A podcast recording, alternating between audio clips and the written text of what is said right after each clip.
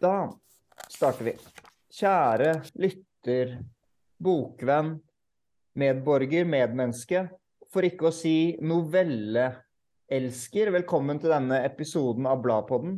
Vi skal nok en gang diskutere novellen, og ikke minst om novellen burde være vår tids sjanger. Vi har med oss eh, et fantastisk panel for å få til dette på Zoom. Eh, både Bergen, Tromsø og Marie Aubert. Hvor er det du sitter forresten, Marie? Jeg sitter i Oslo. Maria, så vi er to i Oslo. Eh, velkommen til deg først, da, Marie Aubert. Du er forfatter og podcaster. Liker å få være podcaster, liksom, også. Ja. Så har vi med oss Morten Auklend, førsteamanuensis i nordisk litteratur. I på V, i på eller ved Universitetet i Tromsø. Velkommen til deg. Takk for det. Det arktiske universitet. Ja, takk. Det arktiske universitet. Og vi må jo legge til at du har jobbet med novellen mye da, i din uh, akademiske karriere. Mm. Og så har vi med oss den uforlignelige Frode Helmik Pedersen, professor i nordisk litteratur i, ved Universitetet i Bergen, og kritiker. Ja, han, han eh, ga meg et lite nikk så vidt der. Ja, men da er vi klare. La oss starte med den seksjonen jeg kommer til å klippe ut og legge inn til slutt for dere lyttere. Men for oss er det det første vi skal snakke om, nemlig hva er det vi leser for tiden? Dere, la oss eh, kaste oss inn i diskusjonen om novellen. Og vi tar utgangspunkt i noe du, Frode, sa i, i en reportasje i Vårt Land. Da det var i sammenheng med at noveller blir lite anmeldt av NRK. Du sier at i tillegg ser novellesjangeren, en undersjanger av epikken, ut til å være uinteressant. Så om du skriver noveller, kan du glemme å bli anmeldt, sier han. Professoren påpeker at det er kamp om oppmerksomhet i mediebildet, og at anmelderne må spisse tekstene. Man skulle tro at noveller var interessante i en tid der vi har dårlig tid. Det hadde vært spennende om anmelderne, anmelderne hadde klart å omtale noveller slik at leseren kan sette seg ned og lese når hun har 20 minutter til rådighet, sier Helmik Pedersen. Ja, la oss starte der. Novellen som vår tids sjanger. Eller at novellen skulle være interessant da, i en tid der vi har dårlig tid. Vil du si litt mer om det, Frode? Ja, det skulle man i utgangspunktet tro at sant? eh, Hvis du har en skikkelig roman, velskrevet lang roman, så krever det en form for tidsbruk som vanlige folk som Og det mener vanlige, som mener folk som deltar i yrkeslivet. Eh, eh, eh, ikke har egentlig tid til. sant? Fordi at det, det krever konsentrasjon. En, en sånn roman bør f.eks. la oss si Roberto Bolagno eller noe sånt. 2666. Lang roman, eh, komplisert på mange måter, krever en form for konsentrasjon som vi ikke har i dag. Vi har ikke tid, rett og slett. Så da kunne man jo heller da si det at OK, men hva med, hva med bare å, å ha en sånn Akkurat som man har en sånn singel eh, sant? Istedenfor album så har man gått til sing, singler. sant? Er, er bare rett og slett eh, en, en kortere episk tekst, da. Men har ikke, sånn har jo det ikke blitt. Og da kan man jo tenke seg forskjellige grunner til det. Og eh, den ene grunnen som jeg kan tenke meg, er jo det at det er et ganske sånn Mange noveller har en viss inngangsbillett. Du må jobbe litt for å komme inn i novellen, at alt er nytt. Du vet ikke hva det dreier seg om. Sånn at, eh, For det, det vi jo gjør, alle mann, eh, har jeg inntrykk av, det er at vi ser TV-serier. sant? Vi ser ikke kortfilmer. Man kunne jo forestille seg at vi, vi så kortfilm. Det gjør vi ikke. Vi ser TV-serier, for da er vi allerede inne i universene. Vi har gjort på en måte den jobben. Og så, vi, så bare reiser vi videre der. Så, så det er litt Jeg tror det er litt av det samme med novell. At, at du må gjøre en jobb inn. Det er, ikke, det er liksom ikke det samme som å lese et kapittel om folk du kjenner fra før. Eh, og så når du har liksom gjort den jobben, så er det liksom over. Og så må du begynne på nytt. Så det er liksom kanskje litt anstrengende. Nå, og så er det jo mange noveller som kanskje er litt sånn uh, at, at, det ikke, at det ikke er så klart hva du egentlig har vært med på heller. Sant? At, må, at det, noen nærmer seg nesten lyrikken og sånn. Uh, mens Ja. Så det, litt, det, det tror jeg har litt å si. Og så tror jeg også at vi, vi har en sånn dragning mot det episke. Og når jeg sier episke, da så mener jeg egentlig ikke bare det fortellende, men episke som i det litt sånn storslåtte. Eh, at, at novellene kanskje kan bli eh, litt, for, litt for smått, og det er litt for kort. og det er litt sånn, Vi kommer ikke inn i et univers helt. Men dette bare, jeg aner jo ikke. Jeg har ikke gjort noen intervjuer, så jeg bare tipper. La oss Så høre. gi ordet videre. Ja, la oss høre. Jeg ser at dere nikker, dere ser tankefulle ut. Hva, hva tenker dere andre?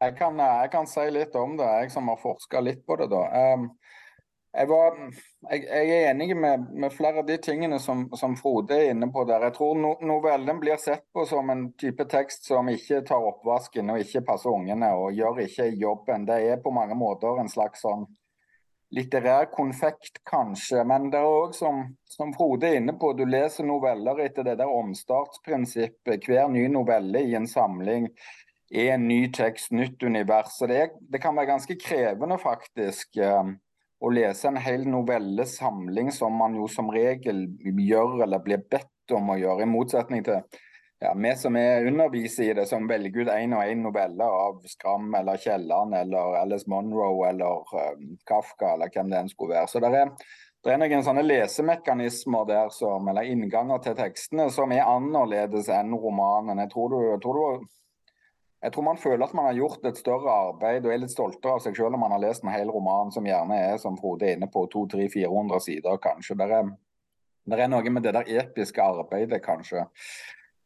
Ellers så kan man jo man kan snakke om kvalitet. Er vi, er vi i stand til å lese noveller på samme måte som vi leser romaner? Altså, jeg syns vi har ganske gode sånn, romankritikere i Norge. Har vi så mange har vi så mange gode novellelesere og kritikere. Jeg tenker ofte på novellen som en sjanger som har dårlige PR-agenter. Eh, romanen har veldig gode agenter. Den romaner selges og vinner priser. og Det er jo som regel romaner vi snakker om i media når vi snakker om å lage debatter og gir priser. og så den er, den er, litt sånn undersjanger i offentligheten eller i litteratursosiologien òg, da. Jeg syns, jeg syns mye arbeid kunne vært annerledes fra bokhandlere og redaktører og, eh, og kritikere og lesere og lærere og undervisere. Selv om novellen står ganske godt i både skolen og akademia.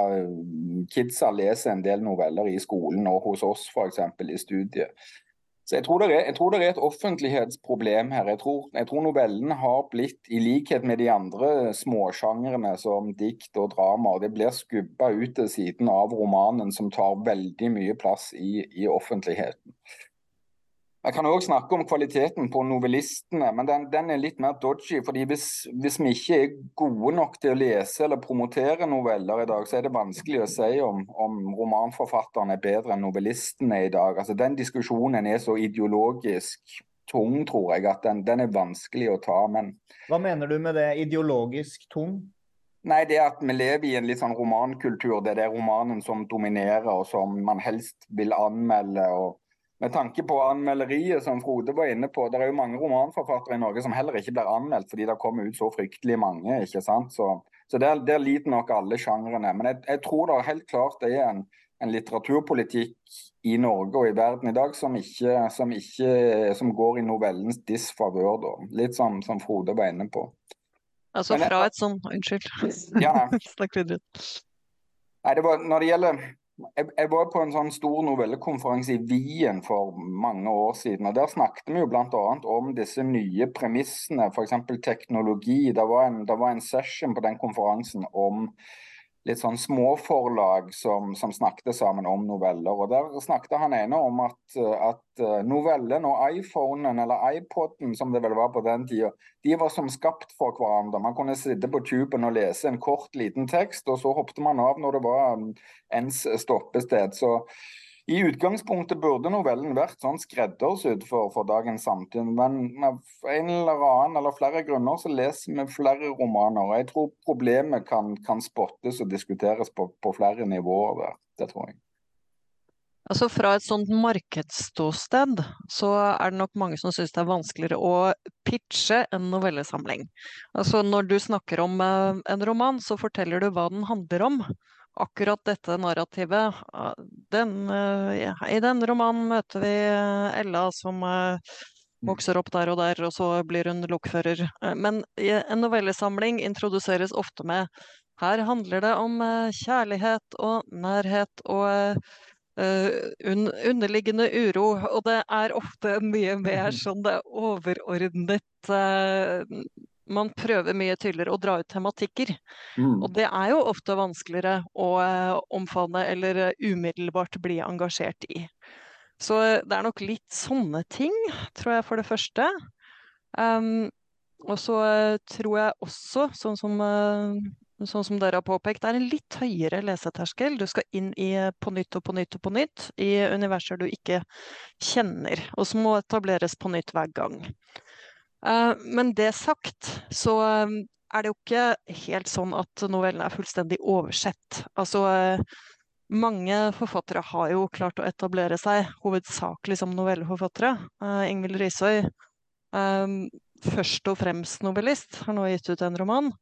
Merete Lindstrøm tror jeg fikk ti anmeldelser for sin forrige novellesamling i fjor. Ganske mange mm, andre som også får mange anmeldelser. Altså Maiken van Bruggen ble bl.a. Uh, anmeldt av NRK. Gine Cornelia Pedersens åtte, uh, Marit Eikemos Hardanger. Og flere av de siste årenes Tarjei Vesaas-vinnere har jo også vært novelleforfattere. Også Kristin Vego, Jan Kristoffer Dale.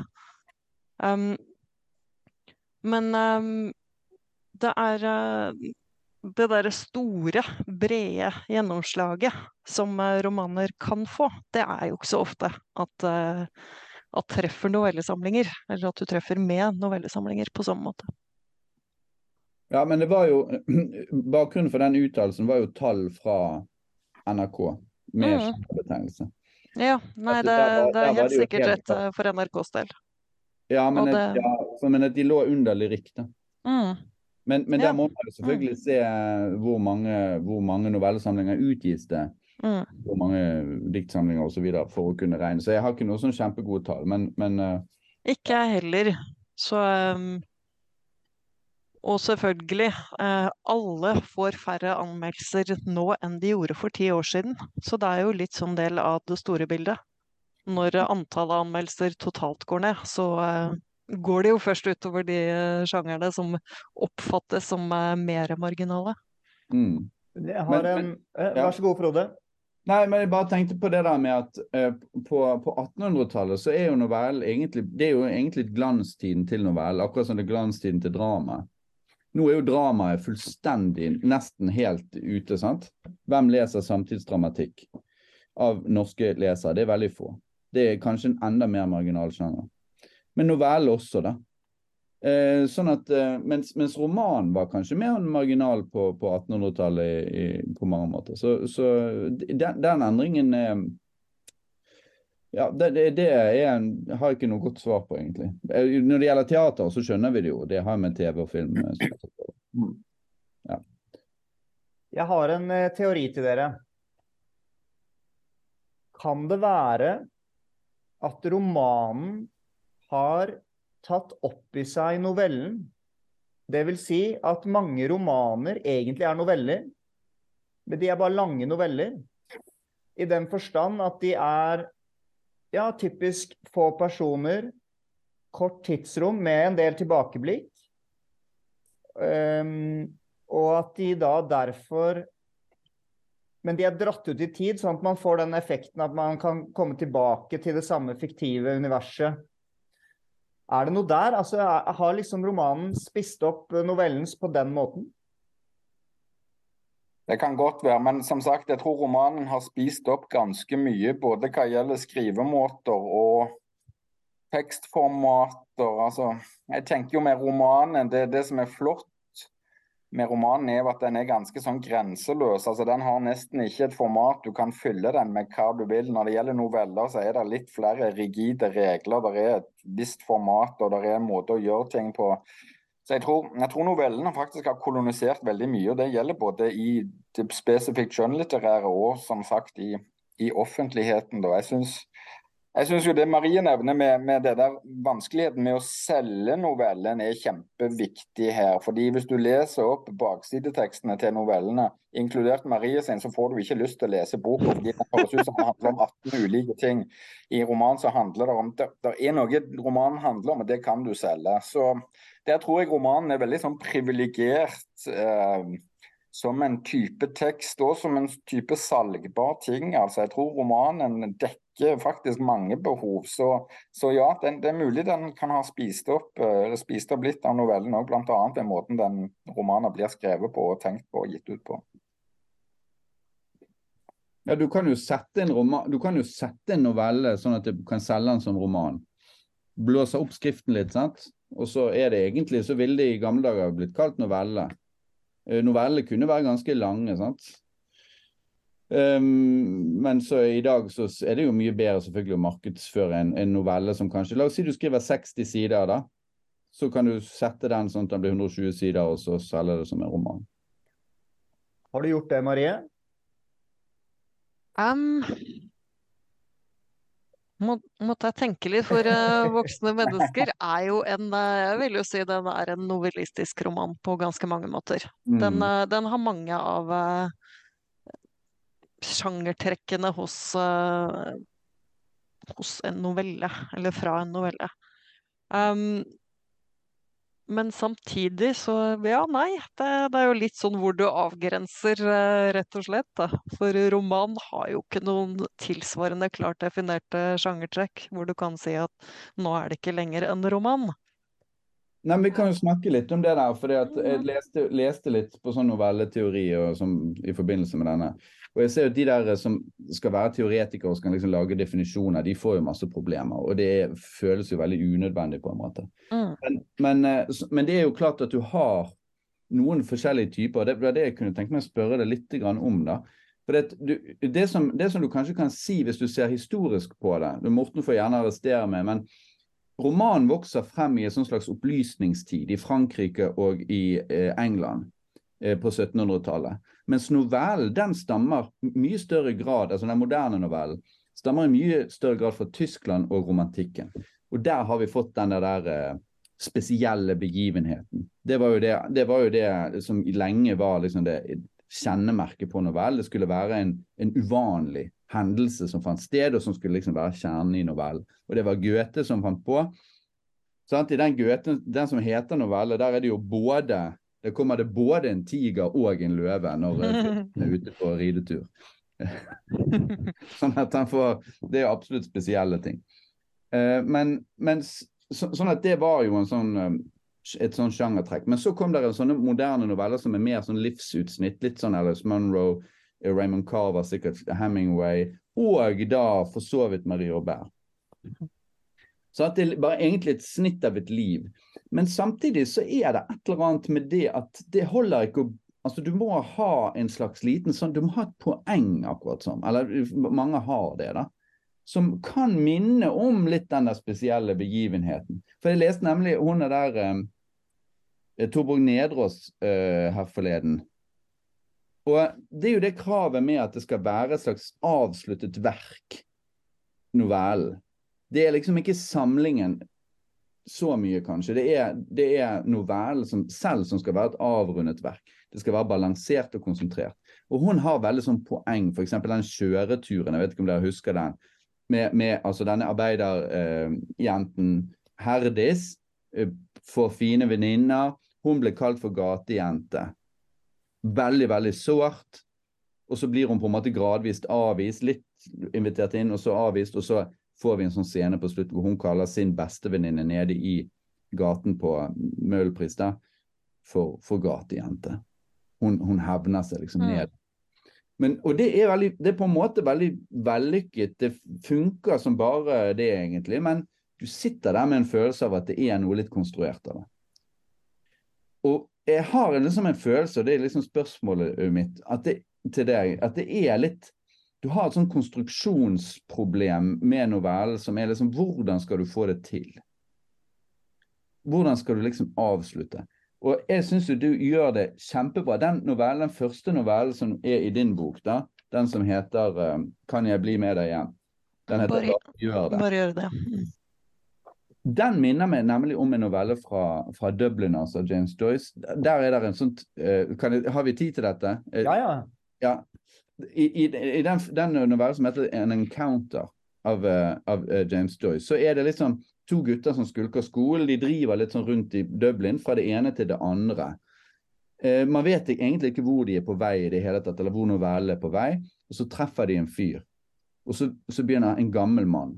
Og så ser de at det er noe rart med han, og så begynner han å snakke. Og så blir han mer og mer skremmende. Han snakker om å, om, om, om liksom å gi ris til gutter.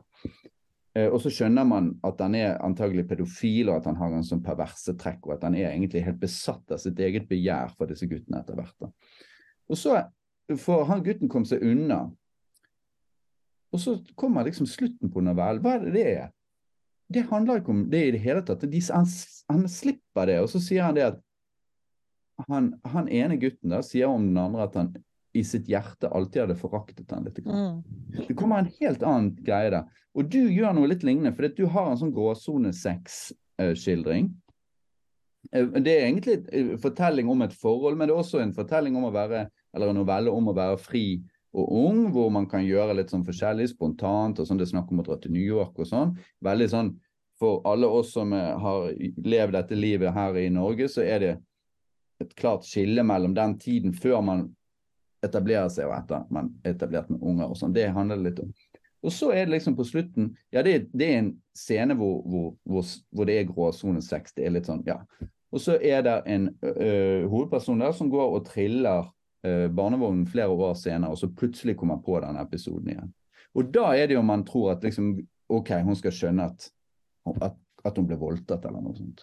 Nei, det det så bare slippes det, liksom. Så er det så er det det at, at, at hun rett og slett lengter tilbake til den tiden. Så vidt jeg oppfatter. Mm. Det er veldig bra, da, men det er ikke så lett å få til.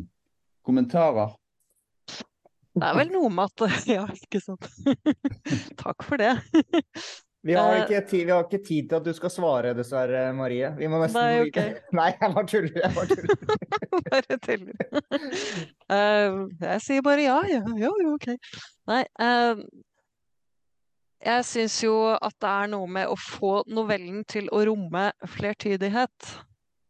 Eh, Ja. At det både skal være en fortelling som, eh, som holder på fortellingen sin, og som holder på interessen. Um, men det skal også være uh, rom for flere måter å lese den på. Uh, flere, mm, flere lag, flere mulige utganger. Så, så det der er jo noe jeg har vært ganske opptatt av i, i mine noveller. At jeg vil at det skal være ting som snur på, på teksten. At det ikke er eh, nødvendigvis den eh, første lesningen du tar med deg inn, eh, som du fortsetter å ha. Mm. Mm. Men, men, men, jeg- men jeg- jeg ja, ja, Morten. Nei, Jeg vil òg bare gjerne kommentere det. der. Altså, jeg husker jeg, jeg så du kom ut med, med bok, og så så jeg den tittelen 'Kan jeg bli med deg hjem'?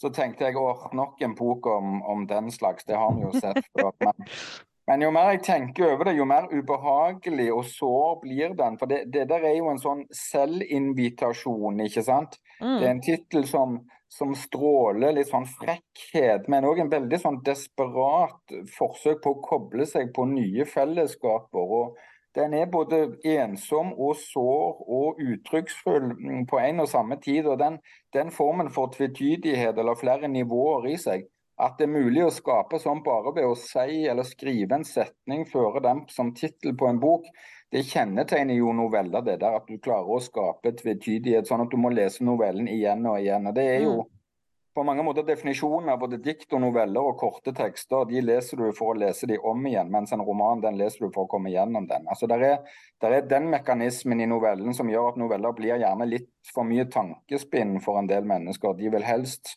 ha den der store, juicy greia som de leser, og så slipper de å tenke på teksten i flere dager etterpå, sånn som jeg. Men eh, la oss eh, tilbake, Marie. Altså, Frode var inne på det. Er det et konstruksjonsproblem når du skriver en novelle? Altså, er det Er det vanskeligere, på en måte? Nei, jeg vet ikke egentlig om jeg vil si det er vanskeligere. Det er bare en annen type tekst. Og um, nå har jeg skrevet to romaner, og visste da jeg begynte på dem at dette skjønte jeg var romanstoff, og ikke novellestoff. Det, det er, uh, jeg syns det er um, Men hvordan skjønte du det, Marie? Hva var det Nei, jeg er ikke helt sikker. Det var uh, det er litt vanskelig å si. Men Men at det er, eh, her er det noe jeg har lyst til å brette mer ut og gå mer inn i og være lenger i. Og følge lenger fram og fra flere sider. Um, så um, jeg har mer syns at stoffet um, har bestemt det litt. Um, men selvfølgelig, altså jeg, jeg har gitt ut eh, tre bøker og tenker fortsatt på meg selv som en eh, relativt fersk forfatter, så det er jo sikkert litt sånn eh, behov for å utforske begge deler på, på en eller annen måte også. Um, så nei, jeg ser Jeg tenker jo absolutt jeg kommer til å skrive noveller igjen. Jeg ser ikke på det som en sånn Først gir man ut novellesamling for å øve seg, og så eh, begynner man på romaner som er det ordentlige, på en måte. Som, eh, som er vel litt klisjeen om dette. Ja, sånn er det litt med kort, kortfilmer. Mm. Men, men for det som jeg lurte på, da, hva er det ved stoffet som gjør at det er en, en novelle? Thomas Mann trodde jo han skrev en novelle når han skrev 'Trolldomsfjellet', Uh, sant? og så skjønte han etter hvert at det var det ikke. Mm. Men når, når Var det på ingen her- måte. Nei, sant? Men når disse her teoretikerne da har prøvd å, å, å lage en litt sånn pregnant definisjon på novelle for å slippe unna den der en episk prosatekst av middels lengde-type definisjon, så har de jo sagt noe sånn som at det er, en, det er begivenheten som står i sentrum i novellen, ikke personen. Altså en kort fortellertekst som hvor begivenheten synes viktigere enn personene som opplever den. Og da blir jo spørsmålet Eh, og så sier man da eh, roman beskjeftiger seg med mennesket, novellene med, med, med begivenhetene. Men da kan du jo spørre deg da, om det er sånn at du blir mer altså at Når du er såpass interessert i dine egne personer, at du da skjønner at dette er på en måte en roman og ikke en novelle. Kanskje. Det gir jo anledning til å gå ganske mye mer inn i, inn i de personene jeg skriver om. Bli bedre Mm. kjent med dem, se dem fra mange flere sider. Se dem i mange flere situasjoner. Mm. eh, og gi dem sånn mer kropp. Så eh, det kan absolutt være noe der. Men samtidig um, Jeg har jo skrevet sånn to romaner hvor også begivenheten eh, har vært det bærende. Altså jeg har hatt en ramme som på en, en måte ligner på novelleoppsettet. Ja, Ehm, det, hvor, Marie. hvor det er relativt komprimert, hvor det er relativt få personer. Mm. Men ehm, ja, i hvert fall i, i voksne mennesker. Så den, den kunne jeg kanskje ha skrevet som en novelle. Og, men, da, men da hadde jeg ikke fått med alt jeg syntes var gøy. Det var litt sånn. Hva skulle du spørre om, Morten? Nei, jeg, jeg tenker på det du, det du nå sier, Maria. Altså, du viser jo òg novellekarakterene dine i ulike settinger. De Mm. sitter hjemme, eller de går på reise til adoptivhjem, barnehjem, eller de er ute og drikker, eller de oppsøker prostituerte. I en og samme novelle så flytter du karakterene dine rundt i en sånn veldig koreografisk dans veldig ofte, så du rekker jo å si veldig mye på veldig kort plass òg. Så jeg tenker jo òg det at du du føler at du må tilbringe litt mer tid med karakterene dine, og at det er kanskje det som utgjør um, romanformen. Um, Ingvar Ambjørnsen snakket om det da jeg skrev bok om han. Da sa han at i den der um, romanen 'Natten drømmer om dagen', eller 'Dagen drømmer om natten', jeg husker ikke helt hva den heter. Der er det vel 40 sider innledning der det er kun karakteren som er ute og går i skogen. og Da sa Ingvar Ambjørnsen at da, den perioden den skulle han, forfatteren, ha med karakteren sin. Han skulle bli kjent med den, og han ville gjerne skrive 40-50 sider om den, bare for å komme inn i sitt eget univers. Så der var det et sånn forfatterbehov der han skilte leseren helt ut av det og tok seg den friheten. Og Det var jo fordi han hadde et romanformat å oppholde seg i. Han kunne ikke gjort det i en novelle. Ikke på samme måte, i hvert fall. Jeg er veldig glad i Alice Munro og hennes noveller. Og de er jo ofte veldig, veldig lange. Der eh, kan du godt ha 60 sider med masse hopp i tid. Eh, ulike tidsplan. eh, en god del karakterer som er innom. Men så på en måte, det, det kunne helt fint vært en, en liten eh, roman, eller en kort roman, men jeg har likevel alltid følelsen av at det er en novelle jeg leser. Mm. Det, og det er kanskje det med at det er Det peker mot en begivenhet som skal skje. Mot disse menneskene. Ofte gjør det det. Et eller annet møte som er blitt avgjørende, eller eh, eh, noe sånn viktig som skjer mellom eh, to viktige punkter. Som viser seg å få en veldig stor eh, konsekvens, eller ja. Og det, det der er litt interessant, for hva er egentlig begivenheten? Eller hva er det som, ja. hva er det som Hva er det? Altså, hva, hva er det som tiltrekker oss med den? Og det, Der tenker jeg kanskje at det er noe med at det er menneskets vilkår. Eh, altså det der at noe skjer med deg. Eh, men også det at du har noe tilfeldighetenes spill er kanskje viktig. Jeg tror det var et sånt uh, tema når de snakket om Boccaccio, som på mange måter er eh, og, ja, noen ganger anses som opphavet til selve sjangeren. Da, Kamerun. det er et eller annet med at det, du, har, du har kjærlighet, og så skjer det forviklinger, det skjer tilfeldigheter som ødelegger, eller som vrir den rundt i u, u, uventede retninger. da. Eh, og, og at det, det er mer det at Mens, mens, mens hvis, du, hvis du er veldig karakterbasert, skriver veldig karakterbasert, så er det jo fordi at et menneske er slik eller slik, at verden blir, Mm. verden, dette mennesket blir slik og slik. Mens i novelle er det kanskje mer det å være utsatt for noe. Ja, Mm.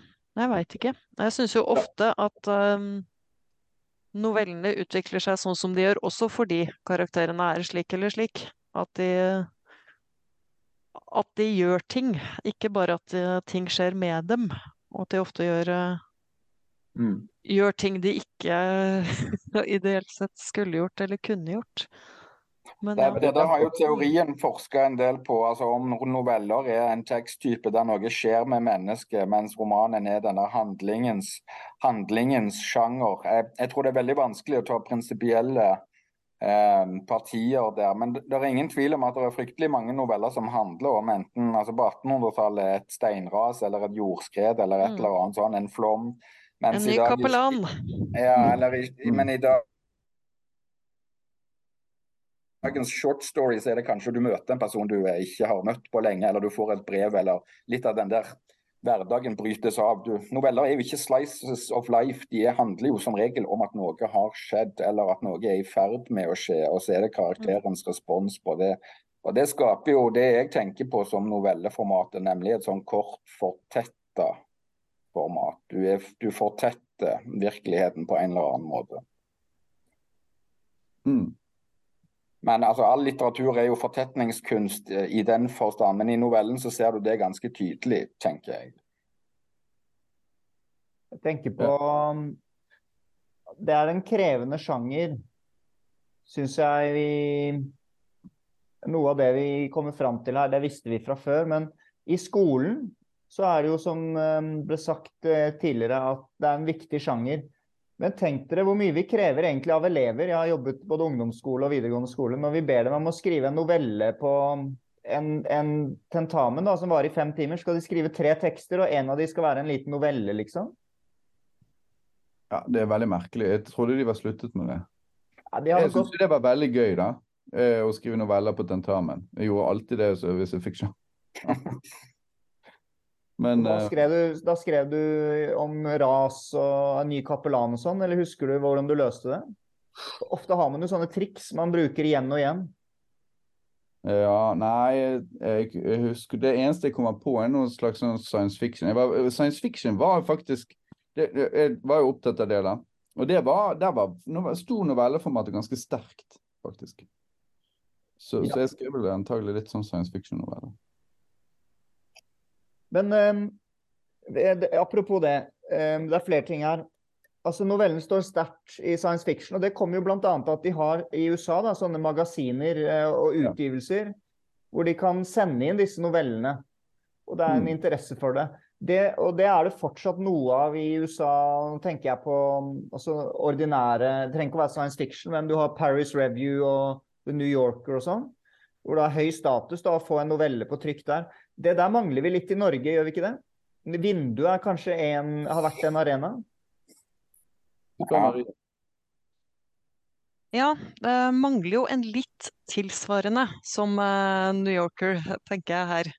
Eh, den New Yorker eh, Fiction-podkasten er, tror jeg, veldig populær. Eller, og veldig bra, syns jeg òg. Um, men det fører jo av og til til eh, også til at eh, noveller blir oppdaget av ekstremt mange lesere. Eh, sånn som den novellen 'Cat Person' i Ja. eh, 2017. Som ja, var noe så sjelden som en novelle som gikk viralt. Eh, altså en novelle av Kristin Rupinian som New Yorker publiserte, og som handler om eh, ja, vanskelighetene ved å innlede et forhold til et annet menneske, og så ikke vite om du skal snu eller ikke snu når du plutselig mister eh, lysta på dem eh, i et avgjørende øyeblikket. Og som ble veldig diskutert eh, både i lys av metoo og eh, i lys av helt andre ting. Men eh, det skjer jo ikke så ofte. Men eh, det er ganske interessant når det skjer. At en skjønnlitterær tekst eh, kan brytes som ganske gjennom på den måten. Og ikke bare sånn eh, som en roman som veldig mange har lest, men her har vi teksten, og hva mener vi om den? Det, det var Og, veldig eh, gøy da det skjedde. Jeg må bare Ja, det var ganske gøy. Det syns jeg var veldig morsomt. Jeg må skyte inn at det var Ablapoddens første episode, første ordinære episode, var at vi diskuterte Cat Person. Um, og, og novellen som da tok over um, eh, kommentarfelt og um, sosiale medier i, i manges tid. Så det er der, da, novellen som vår tids sjanger, der, der klarte novellene. Akkurat der så var novellen vår tids sjanger. Mm. Mm. Ja, det viser jo at det er mulig, da. Så da er det jo egentlig bare å legge seg i selen. Altså Audible, eh, lydbokfirmaet til Amazon, de, de inviterer jo kjente forfattere, f.eks. Margaret Atwood og andre, til å skrive novell, eller kortromaner, novellas, rett på lydbok. Og de er ganske populære, flere av de. Så der er også et sånt felt som kanskje går litt under radaren for mange mm, kritikere, men hvor, som har mange lesere, da. Er det liksom noe å, å bekymre seg for på litteraturens vegne? Det har jo vært en debatt om liksom lydboken ødelegger for um, leseferdigheter og sånn. Eller er dette et, egentlig noe positivt? Har dere gjort dere opp noen tanker om det? Det er mange ting jeg er mye mer bekymret for på litteraturens vegne. Eh, så, altså, så lenge det er bra, em, så ser jeg jo ikke problemet. Og jeg ser for så vidt heller ikke et problem i seg selv med egne lydbokutgivelser. Det er jo em, Men eh, det som er spørsmålet, er vel eh, om, eh, om folk slutter å lese. Og eh, hva som skjer med konsentrasjon, og hva som skjer med oppmerksomhet. Men det, det vet jeg ikke om jeg syns blir en litt annen diskusjon. Det gjør altså, det. no- altså, tekster er jo ikke nødt til å være enkle, selv om Nei. de er korte. Men kan Det, liksom det er vel litt sånn kjernen med det, tenker jeg. Det, forlanger du at tekstene skal være veldig, veldig enkle å konsumere, så er det jo en annen ting. Men uh, kun at de er korte, det sier jo ikke i seg selv at de er uh, dårligere eller eh, mye lettere å svelge og fordøye og mindre oppmerksomhetskrevende. Ja, nei, jeg, ser heller ikke, jeg har heller ikke noe sånn agg mot lydboken. Jeg hører tvert imot en god del på lydbok selv. Mm. For jeg, jeg driver på med husarbeid og all slags. Men hører du på noveller iblant òg? Jeg har hørt noveller på lydbok. Det har jeg. Men uh, jeg, jeg hører stort sett sakprosa på lydbok. Ja. Liker, det er skjønnlitteratur, så liker jeg å ha det skriftlig. For da jobber jeg på det. Jeg er litt mer på jobb, mens når jeg, jeg hører uh, lydbok, så det, vil jeg ha inn litt sånn kunnskaper. Jeg er så nysgjerrig på det der eh, Audible-prosjektene med de kortromanene eller novellene. Da. Og jeg lurer på liksom, når vil Fabel kanskje kontakte deg, Marie Aubert, og be deg skrive en novelle slash ja, en kortere fortellende tekst? Eller, er det, eller er det Storytel du vil bli Hvilket forlag er du på? Godt spørsmål. Det må, må jo være de som betaler best, selvfølgelig. Ja, men er ikke, du, er ikke du forpliktet til en av de hvis du er på et forlag? De er jo knyttet til um, Jeg husker ikke hvordan de der er eh, løst, jeg. Men, hva, Mm. mm. men du hadde sagt ja, regner jeg med? ja, hvis det passa med andre prosjekter. Men eh, ja. Det er jo eh, li- litt sånn å bli spurt om å skrive en novelle med veldig enkelt språk, eller eh, en som skal være lett tilgjengelig på andre måter. Og det kan det jo være. Mm. Sånn.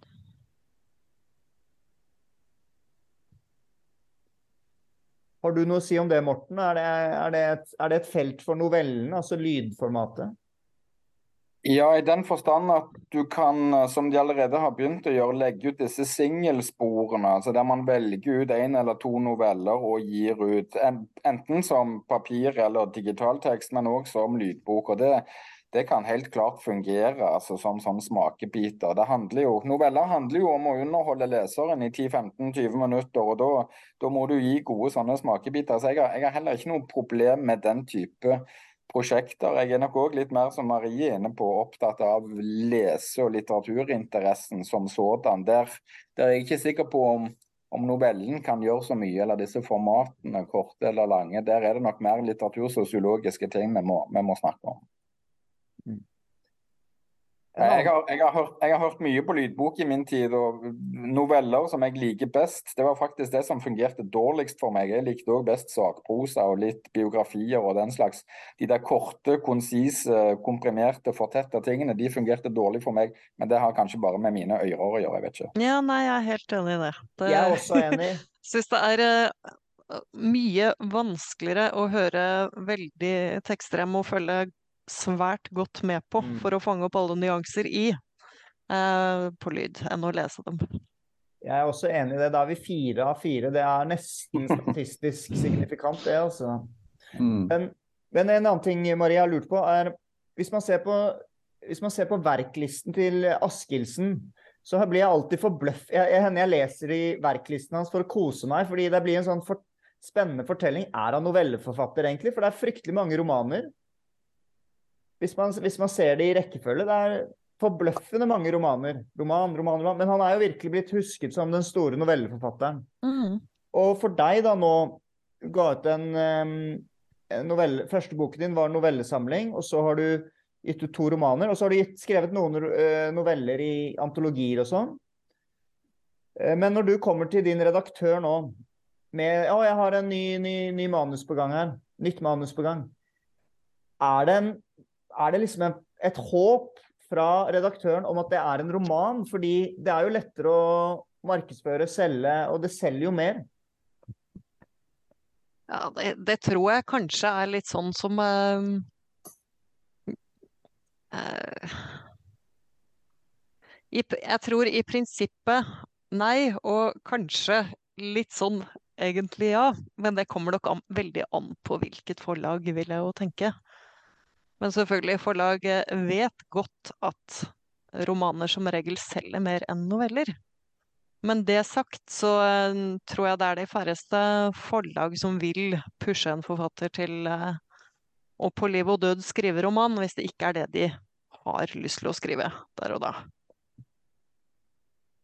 Men, så, um, ja. men Jonas Askildsen har skrevet fem romaner. Og så har han skrevet tolv novellesamlinger.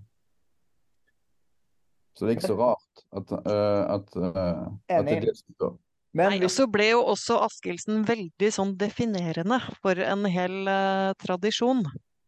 Og en hel novelleskrivemåte som veldig mange forholder seg til.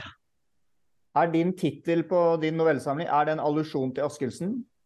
Jeg tenkte ikke på det da jeg valgte den, men på Det er jo Nå har jeg en bok som heter uh, Kan jeg bli med deg hjem? Og en som heter Er egentlig ikke sånn. Og begge har jo et par Askildsen-titler som ligner. Men det er jo uh, ikke sånn bevisst for å rane meg Askildsen-kred, tenker jeg. Det er vel, er vel mer sånn at at jeg syns det er fine titler, og jeg er sikkert glad i titler på en lignende måte. Mm. Men, men jeg, må bare, jeg, må bare, forsvare min um, Askildsen-poeng. Det var mer Hvis man leser det i rekkefølge, så blir det en sånn spennende fortelling. Kan jeg bare gjøre det raskt? Ja. 1953. Heretter følger jeg deg helt hjem. Noveller. 1955 Herr Leonard Leonard, roman. 1957 Davids bror, roman. Så der er vi Marie og Bær fullt i det sporet. da, Noveller, roman, roman. Så kom Kulisser, noveller. Omgivelser, roman. Så det er 3-2.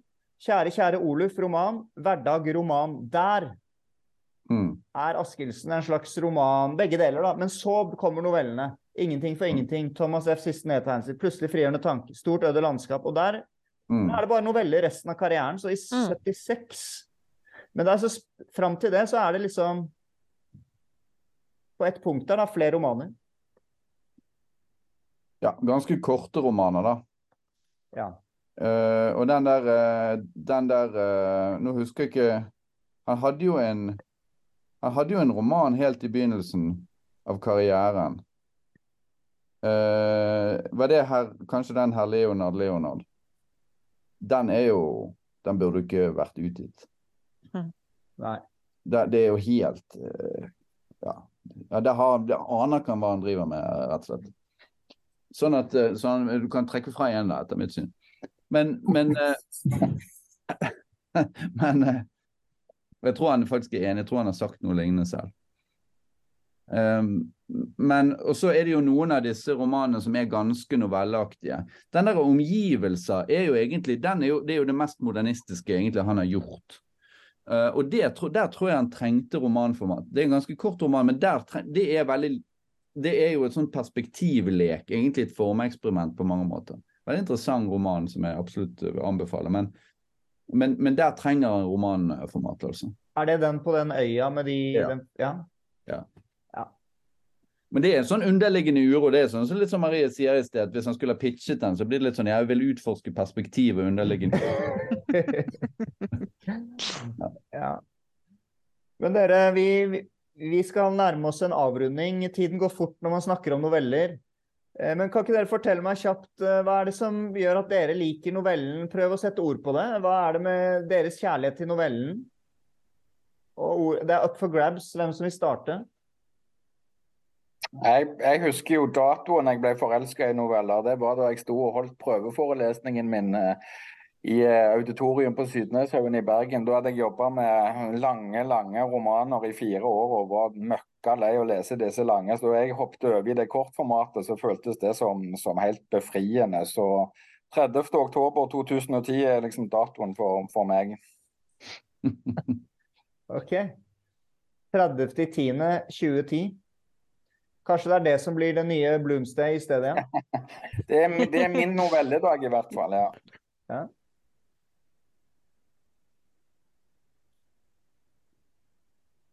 Jeg kikker dere ut med stillheten, røyker dere ut for å høre Dere må bare ta ordet.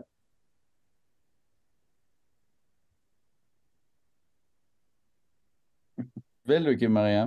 Jo. Venta på deg, jeg nå. Uh, nei, jeg liker um...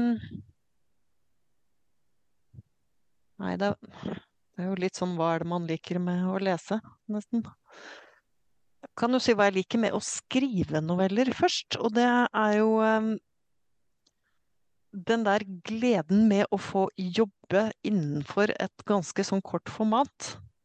Uh, for um, jeg syns jo man blir mer uh, arbeidsom og kreativ jo flere frister og rammer man har, egentlig. Jeg tror aldri jeg kommer til å skrive en eh, roman på 400 sider. Eh, for jeg, jeg liker å jobbe i små, små og avgrensede formater, i hvert fall så langt.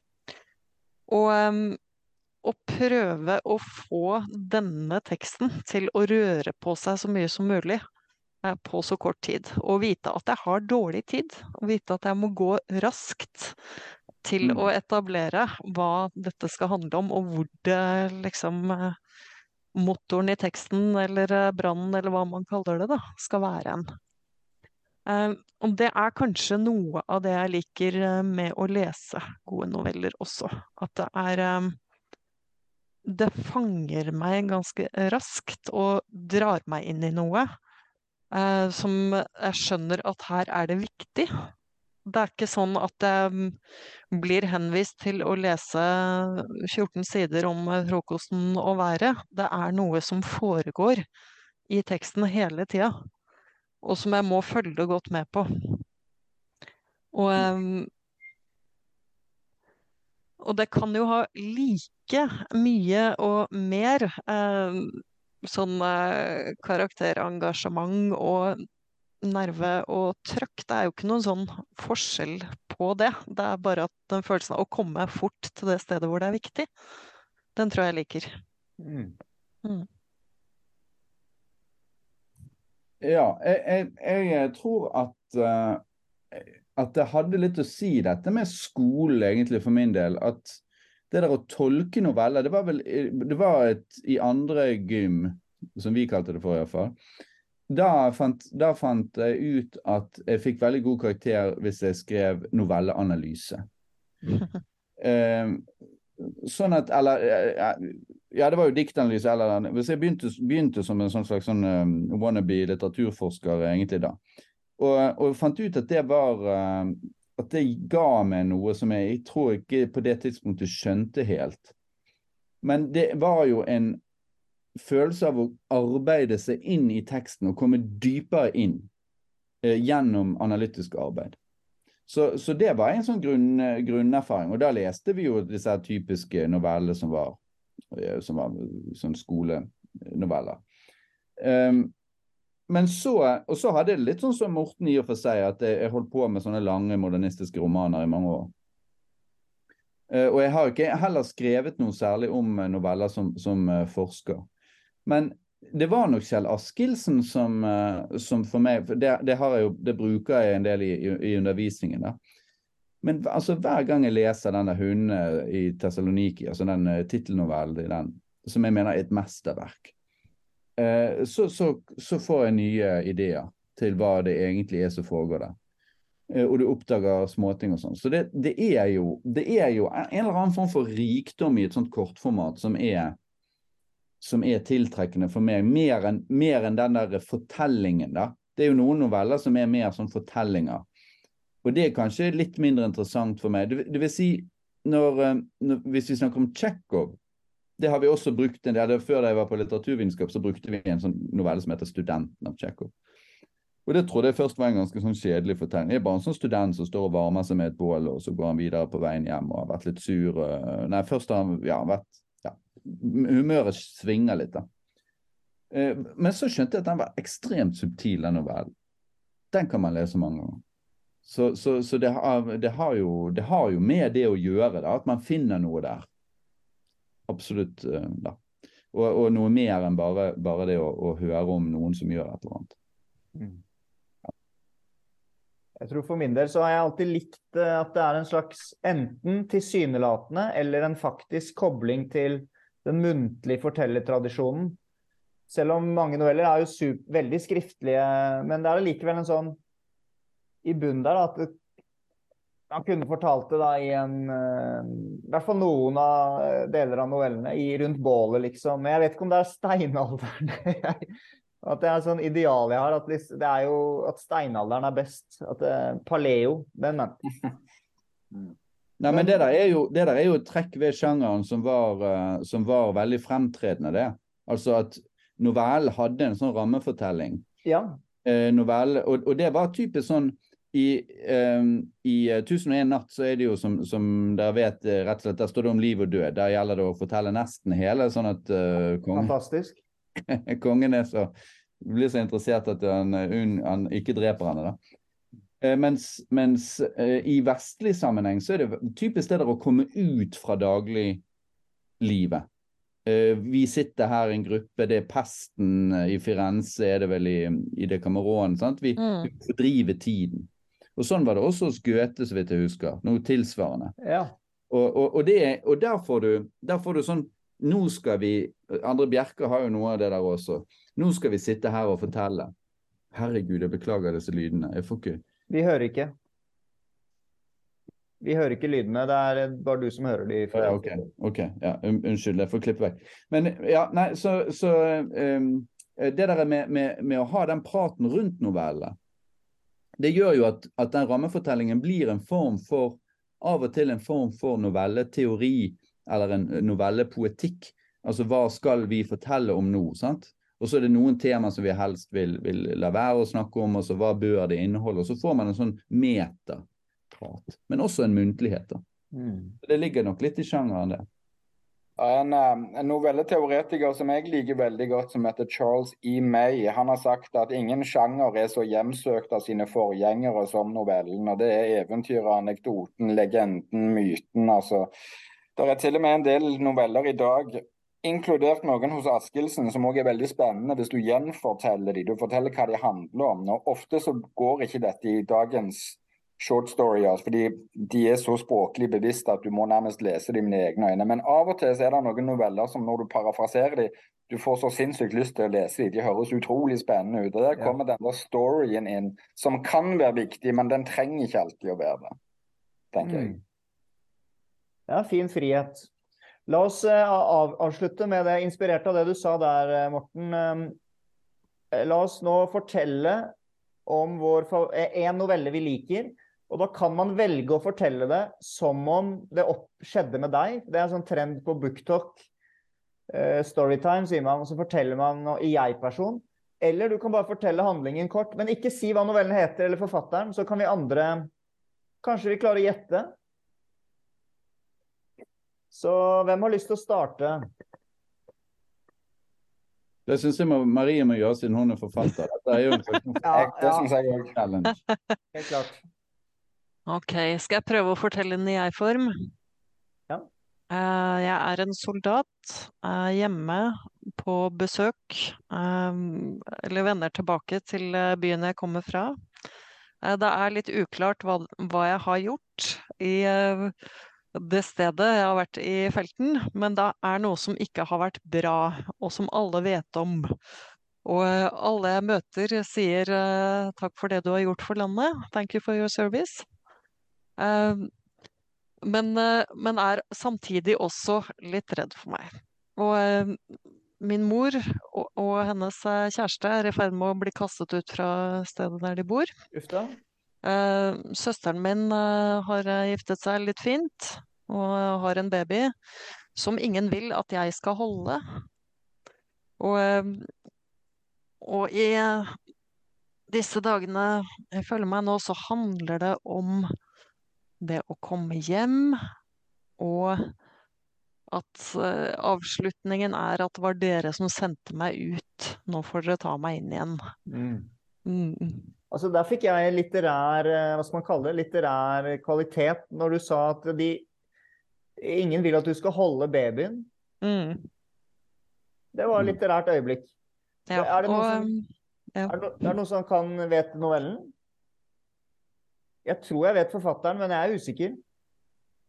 Ja, det hørtes ut som Hemingway. Ja, ikke sant? Er det det? Nei, det er George Saunders. Å, det er Saunders, ja. Ja. Det hørtes veldig Hemingway ut. Er en novelle som heter uh, Hjemme, eller uh, Home. Ah. Den, uh, jeg syns den er helt strålende. Det er, fra det herre det, Den veksler så veldig mellom sånn Nesten sånn buskishumor. Altså moren som er blitt ansatt for å vaske kirka, så nå sensurerer hun sin egen banning hver gang hun snakker. Og sier uh, 'the bleeping eh, house', eh, og, eller den, den pip. Presten sier at jeg ikke får lov å si pip. Så hun, hun snakker på den måten. Det er mye sånn komikk hele tida, og det er så mye sånn driv og fart og moro. Og så er det samtidig så dypt ubehagelig og trist og, og guffent. Det er hele tida det her lurende bakteppet som vi ikke får sånn helt eh, innsyn i. Hva det er han har begått eh, av tydeligvis noe som er nok til å bli stilt for krigsrett. Eh, Du får litt følelsen av overgrep mot sivile eller et eller annet. For det er en scene hvor han husker at han drepte frosker, og hvor han snittet opp magene på dem, og så uh, syns han det er så ekkelt å se alle rumpetrollene falle ut, men han er nødt til å gjøre det, for uh, for noen har jo bedt han om å gjøre dette, så uh, da har han eh, liksom valget mellom å si at han er pingle og ikke vil drepe de froskene lenger, eller fortsette. Ikke sant? Så det blir jo en sånn tydelig kobling mellom, eh, mellom de to tingene. Som Men du får aldri helt vite hva er det forferdelige. Du får bare vite at det er noe forferdelig. Mm. Så det er den der hjemkomsten uh, som er så veldig sånn komprimert i, uh, i tid, og hvor uh, den gamle verden som ikke lenger helt er beboelig foran, og, og den verden han har vært i, i Eller det, det han har vært gjennom i en krig, som både har endret han så kraftig, og som har endret verdens syn på han så kraftig. Nå, um, nå sitter vi rundt bålet her, Mm. og jeg må jo si at det var spennende å det var spennende å høre din på en måte, forklaring, men det var enda mer spennende å få fortellingen. Eh, det var veldig effektfullt. Eh, er det flere som vil Ja, nå, nå fortsetter vi. Altså, nå, er vi fortell... nå er vi i steinalderen, paleo. Og nå er det storytime, altså. Ja, Morten. Um, ja, sånn, sånn som jeg husker dette, så var det på barneskolen og vi skulle, eh, vi skulle ha svømming. Men eh, jeg og en til vi hadde melding hjemmefra om at vi ikke kunne, kunne ha svømmetime. Så meg og han, eh, Karsten som han het, vi sneik oss inn på keramikkrommet på, på skolen. Og der begynte vi å knuse alle de der fæle vasene og den driten de hadde lagd der inne. Det var en pur, pur glede, og vi skrudde på ovnene. og så forsvant Karsten plutselig inn en sånn liten gang inn til sløydrommet. Jeg sto og banka på og ropte etter men han hadde bare forsvunnet. Eh, Men jeg klarte å snike meg inn der òg, og der ser jeg at Karsten i ferd med å ødelegge alt det vi har brukt de siste ukene på å lage med på, på på, på sløydsalen. og Bl.a. et svært hundehus som Karsten har brukt mange uker på å gjøre helt perfekt. Han står og sager det opp med den der sirkelsagen som står. og jeg prøver, jeg prøver å forhindre at han gjør det, men da bare legger han meg i bakken. og Jeg, bes, jeg besvimer når han uh, fører hodet mitt inn mot sirkelsaken. og Jeg våkner opp av at jeg har pissa på meg, og at alle elevene står rundt og kikker på det og sier at uh, jeg, jeg er han nye. De kjenner meg ikke. og Jeg, jeg driter egentlig hva de syns, jeg bare, jeg bare går. Det var mitt skoletraume. Forferdelig. Jeg, jeg tror jeg vet forfatteren.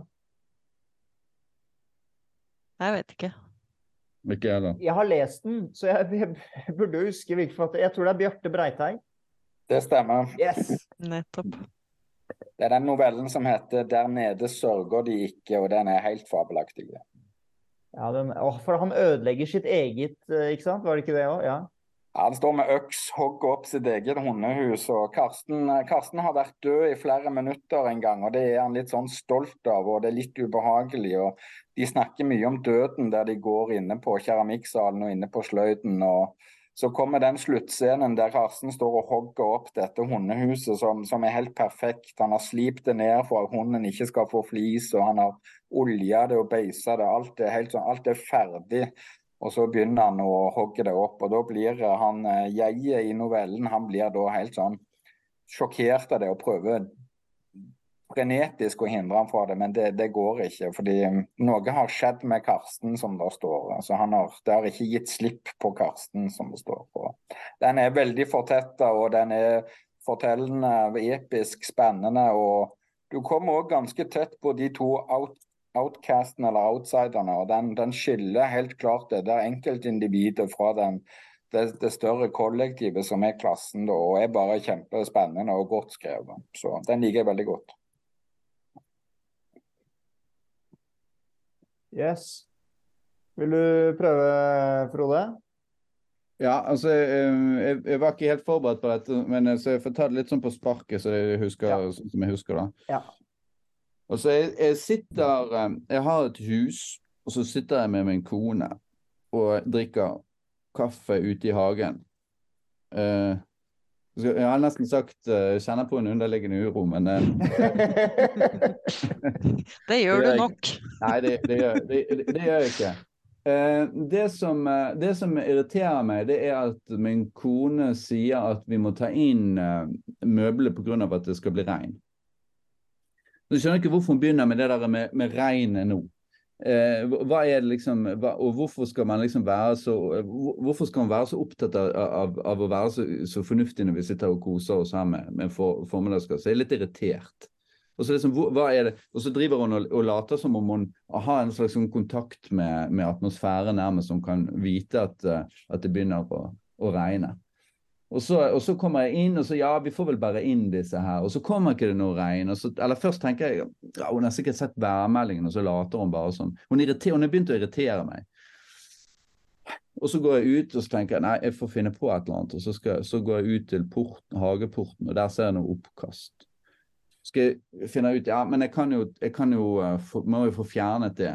Så finner jeg en hageslange og så skal jeg spyle dette oppkastet, så vil det liksom ikke gå der hvor vannstrålen går. Så kommer det inn i, så det inn i hagen istedenfor. Så, jeg- så, så den irritasjonen den blir, den blir verre. Og jeg får, føler en vemmelse ved Jeg føler en vemmelse med egentlig hele mitt liv. Ingenting, det er ingenting som har skjedd, men samtidig så, så er det ingenting som er, er rett heller, liksom. Eh, Så jeg prøver jeg, jeg er egentlig i en situasjon hvor jeg prøver å gjøre ting, men jeg får ingenting egentlig helt til. Jeg prøver å ta en sigarett, jeg får ikke det helt til. Min kone tar en sigarett, hun bare kaster den rett ned i oppkjørsel. Hvorfor gjør du det? Den brenner opp, sier hun. Nei. Og så går jeg og prøver å ta en øl et eller annet sted. Uh, får ikke det helt til heller. Og så kommer jeg hjem igjen. Der sitter min kone med, der er broren kom på besøk, og der sitter de og hygger seg og, og, og prater som om ingenting, som om alt er liksom fint her i verden. Det irriterer meg, og jeg, jeg, f- klarer ikke å være med de, og så øh, tenker jeg også at, på annen, at det på en eller annen slags måte er noe litt underlig med måten de er på overfor hverandre. Det er som om, øh, er som om hun nærmest byr seg frem overfor sin bror. Jeg, jeg, blir, jeg, blir, jeg syns det er ubehagelig. Jeg vil heller gå med en tur det begynner å skumre. Så går jeg med en tur i skogbrynet. Og så hører jeg at hun Beate heter min kone. Hun begynner å rope på meg. Så tenker jeg jeg, jeg, vil, jeg vil ikke svare. Jeg bare setter meg her. Jeg ser på henne. Hun kan ikke se meg uansett, så jeg bare later som ingenting. Og så går jeg tilbake igjen. Og så litt senere så viste det, så spør hun da hvorfor, hvorfor, hvorfor svarte du ikke da jeg ropte? Og så, men jeg trodde ikke du kunne se meg. Så svarer jeg da, og så skjønner jeg at jeg har en dårlig sak, rett og slett. Eh, for det er, ikke, det er ikke noe Det er ikke noe Det er ikke noe godt svar, altså. Ja, og så, så fortsetter dagen, da, og så eh, sier hun som en slags sånn eh, forsoningsgest Men skal ikke vi åpne en vin, da? Så sitter hun der. Og, og, og jeg har følelsen av at uh, rett og slett uh, at at rett og slett er noe veldig galt mellom oss, men jeg klarer ikke å sette ord på det. Hva- Hun later som om ingenting har hendt. Og så tenker jeg, men det er jo egentlig ingenting som har hendt heller. Sitter vi og koser oss med et glass vin, og så skal hun gå. Og så kommer hun opp bak meg, og så skal hun gripe meg, tydeligvis. Og da tror jeg rett og slett at hun, hun har tenkt å, å gjøre noe, noe, noe forferdelig mot meg, så jeg kaster meg fremover. Og så er, så er jo da Men da er jo problemet at hun eh, skulle jo bare massere meg litt på ryggen. Så hva gjør jeg? Um, jeg um, prøver å late som ingenting. Og så sier jeg at det er, det er alt er, er, um, Ingenting har skjedd. Og du må tro meg, liksom. Og så sier hun ja, det må, jeg må jo det.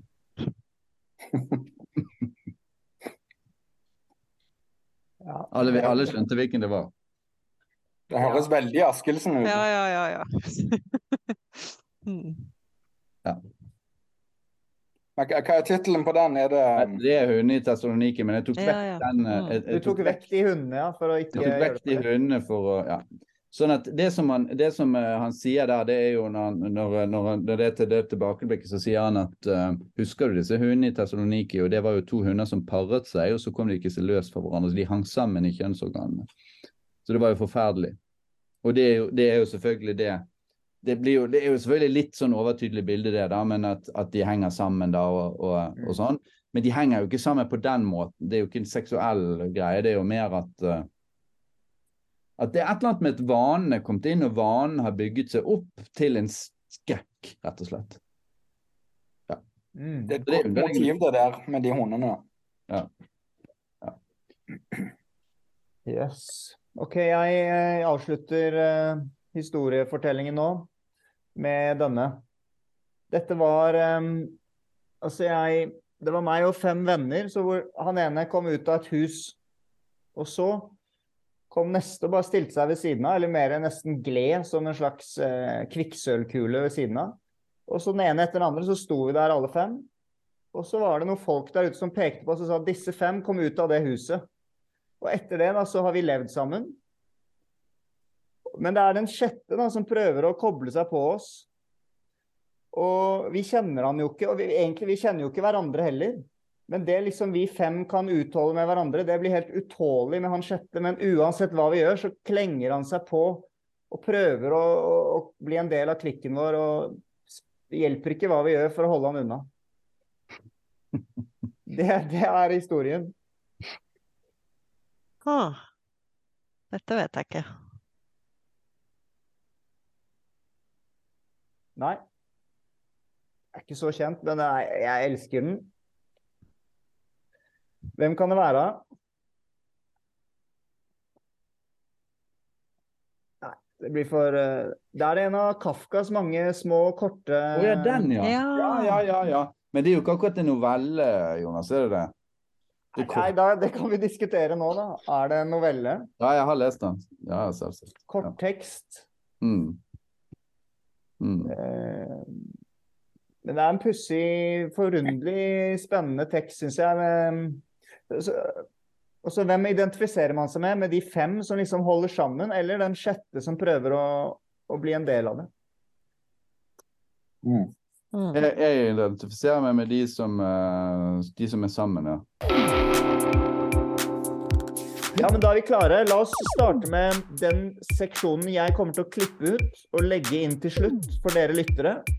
Men for oss er det det første vi skal snakke om, nemlig hva er det vi leser for tiden. Eh, Marie, har du lyst til å starte? Ja, eh, nå leser jeg De av eh, Helle Helle. Hun er en eh, sånn mangeårig favoritt eh, for min del. Men jeg mangler litt sånn de, de to siste romanene, som er De og Bob. Eh, så de, de tenker jeg skal lese nå. Og så leser jeg også eh, novellesamling av George Saunders eh, den 10. desember. I norsk oversettelse. Mm. Leser du Bob, nei unnskyld, Helle Helle i norsk oversettelse? Nei, henne leser jeg på dansk. Eh, danske forfattere pleier jeg å lese på dansk. Mest glad i det. Tommel opp fra Morten der. Jeg, jeg har nesten tenkt på hun Helle Helle nesten som en norsk forfatter. Eh, I og med at hun også blir oversatt av um, Trude Marstein. mm, det er flere danske som har veldig gode norske oversettere. ja, det er det.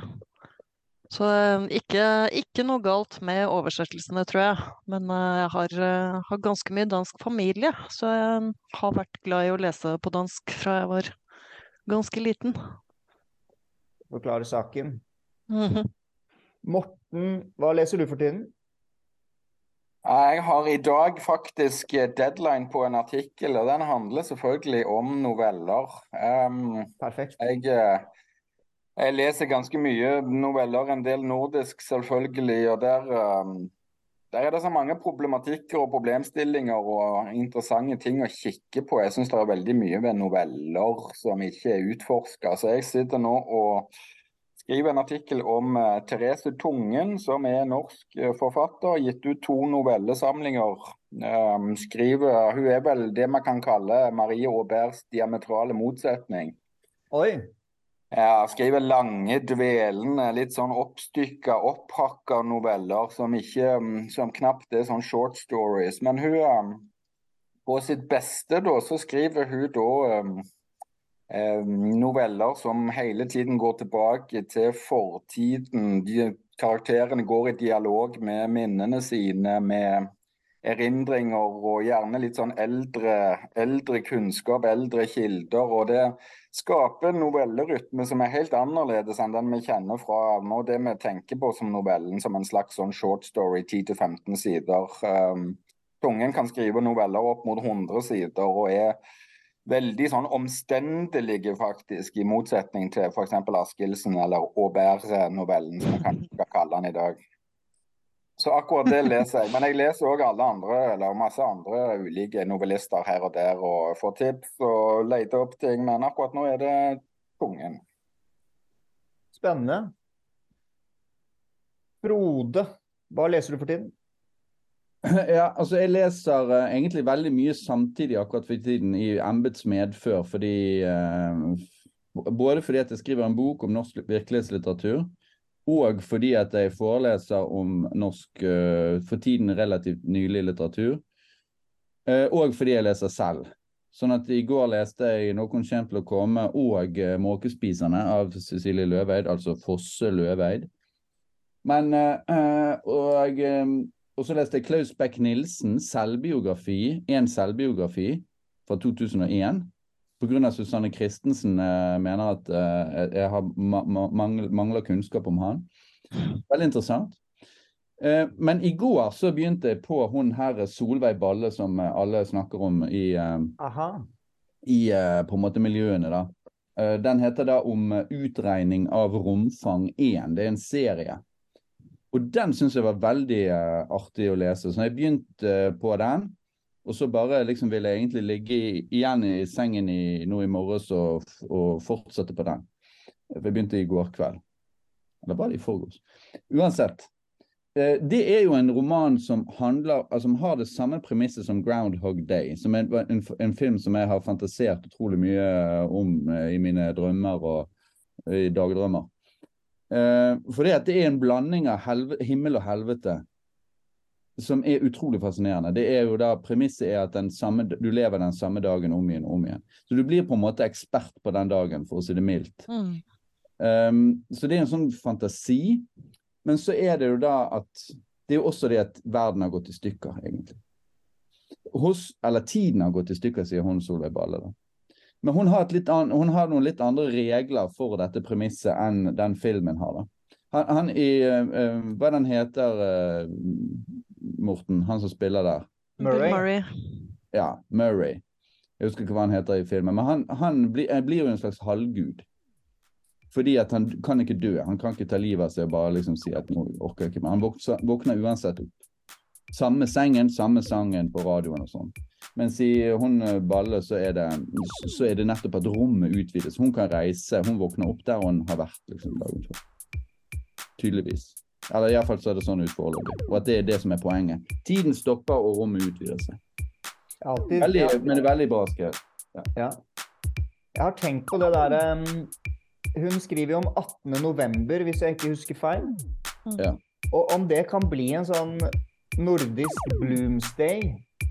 Mm. hvor man feirer liksom eh, Fordi at hun har fått til et eller annet der, da. Og det, det er jo et langsiktig prosjekt. Mm. Og, og, nå vant hun jo prisen, og hun får etter hvert en del lesere. For dette vil jo bare akkumulere og akkumulere. Jeg, jeg ser for meg en sånn 18. november-markering, jeg. Uh, jeg har lyst, ja. til, lyst, til, å lese det, jeg òg. Leser du norsk eller dansk, dansk regner jeg med? Dansk leser jeg det på, ja.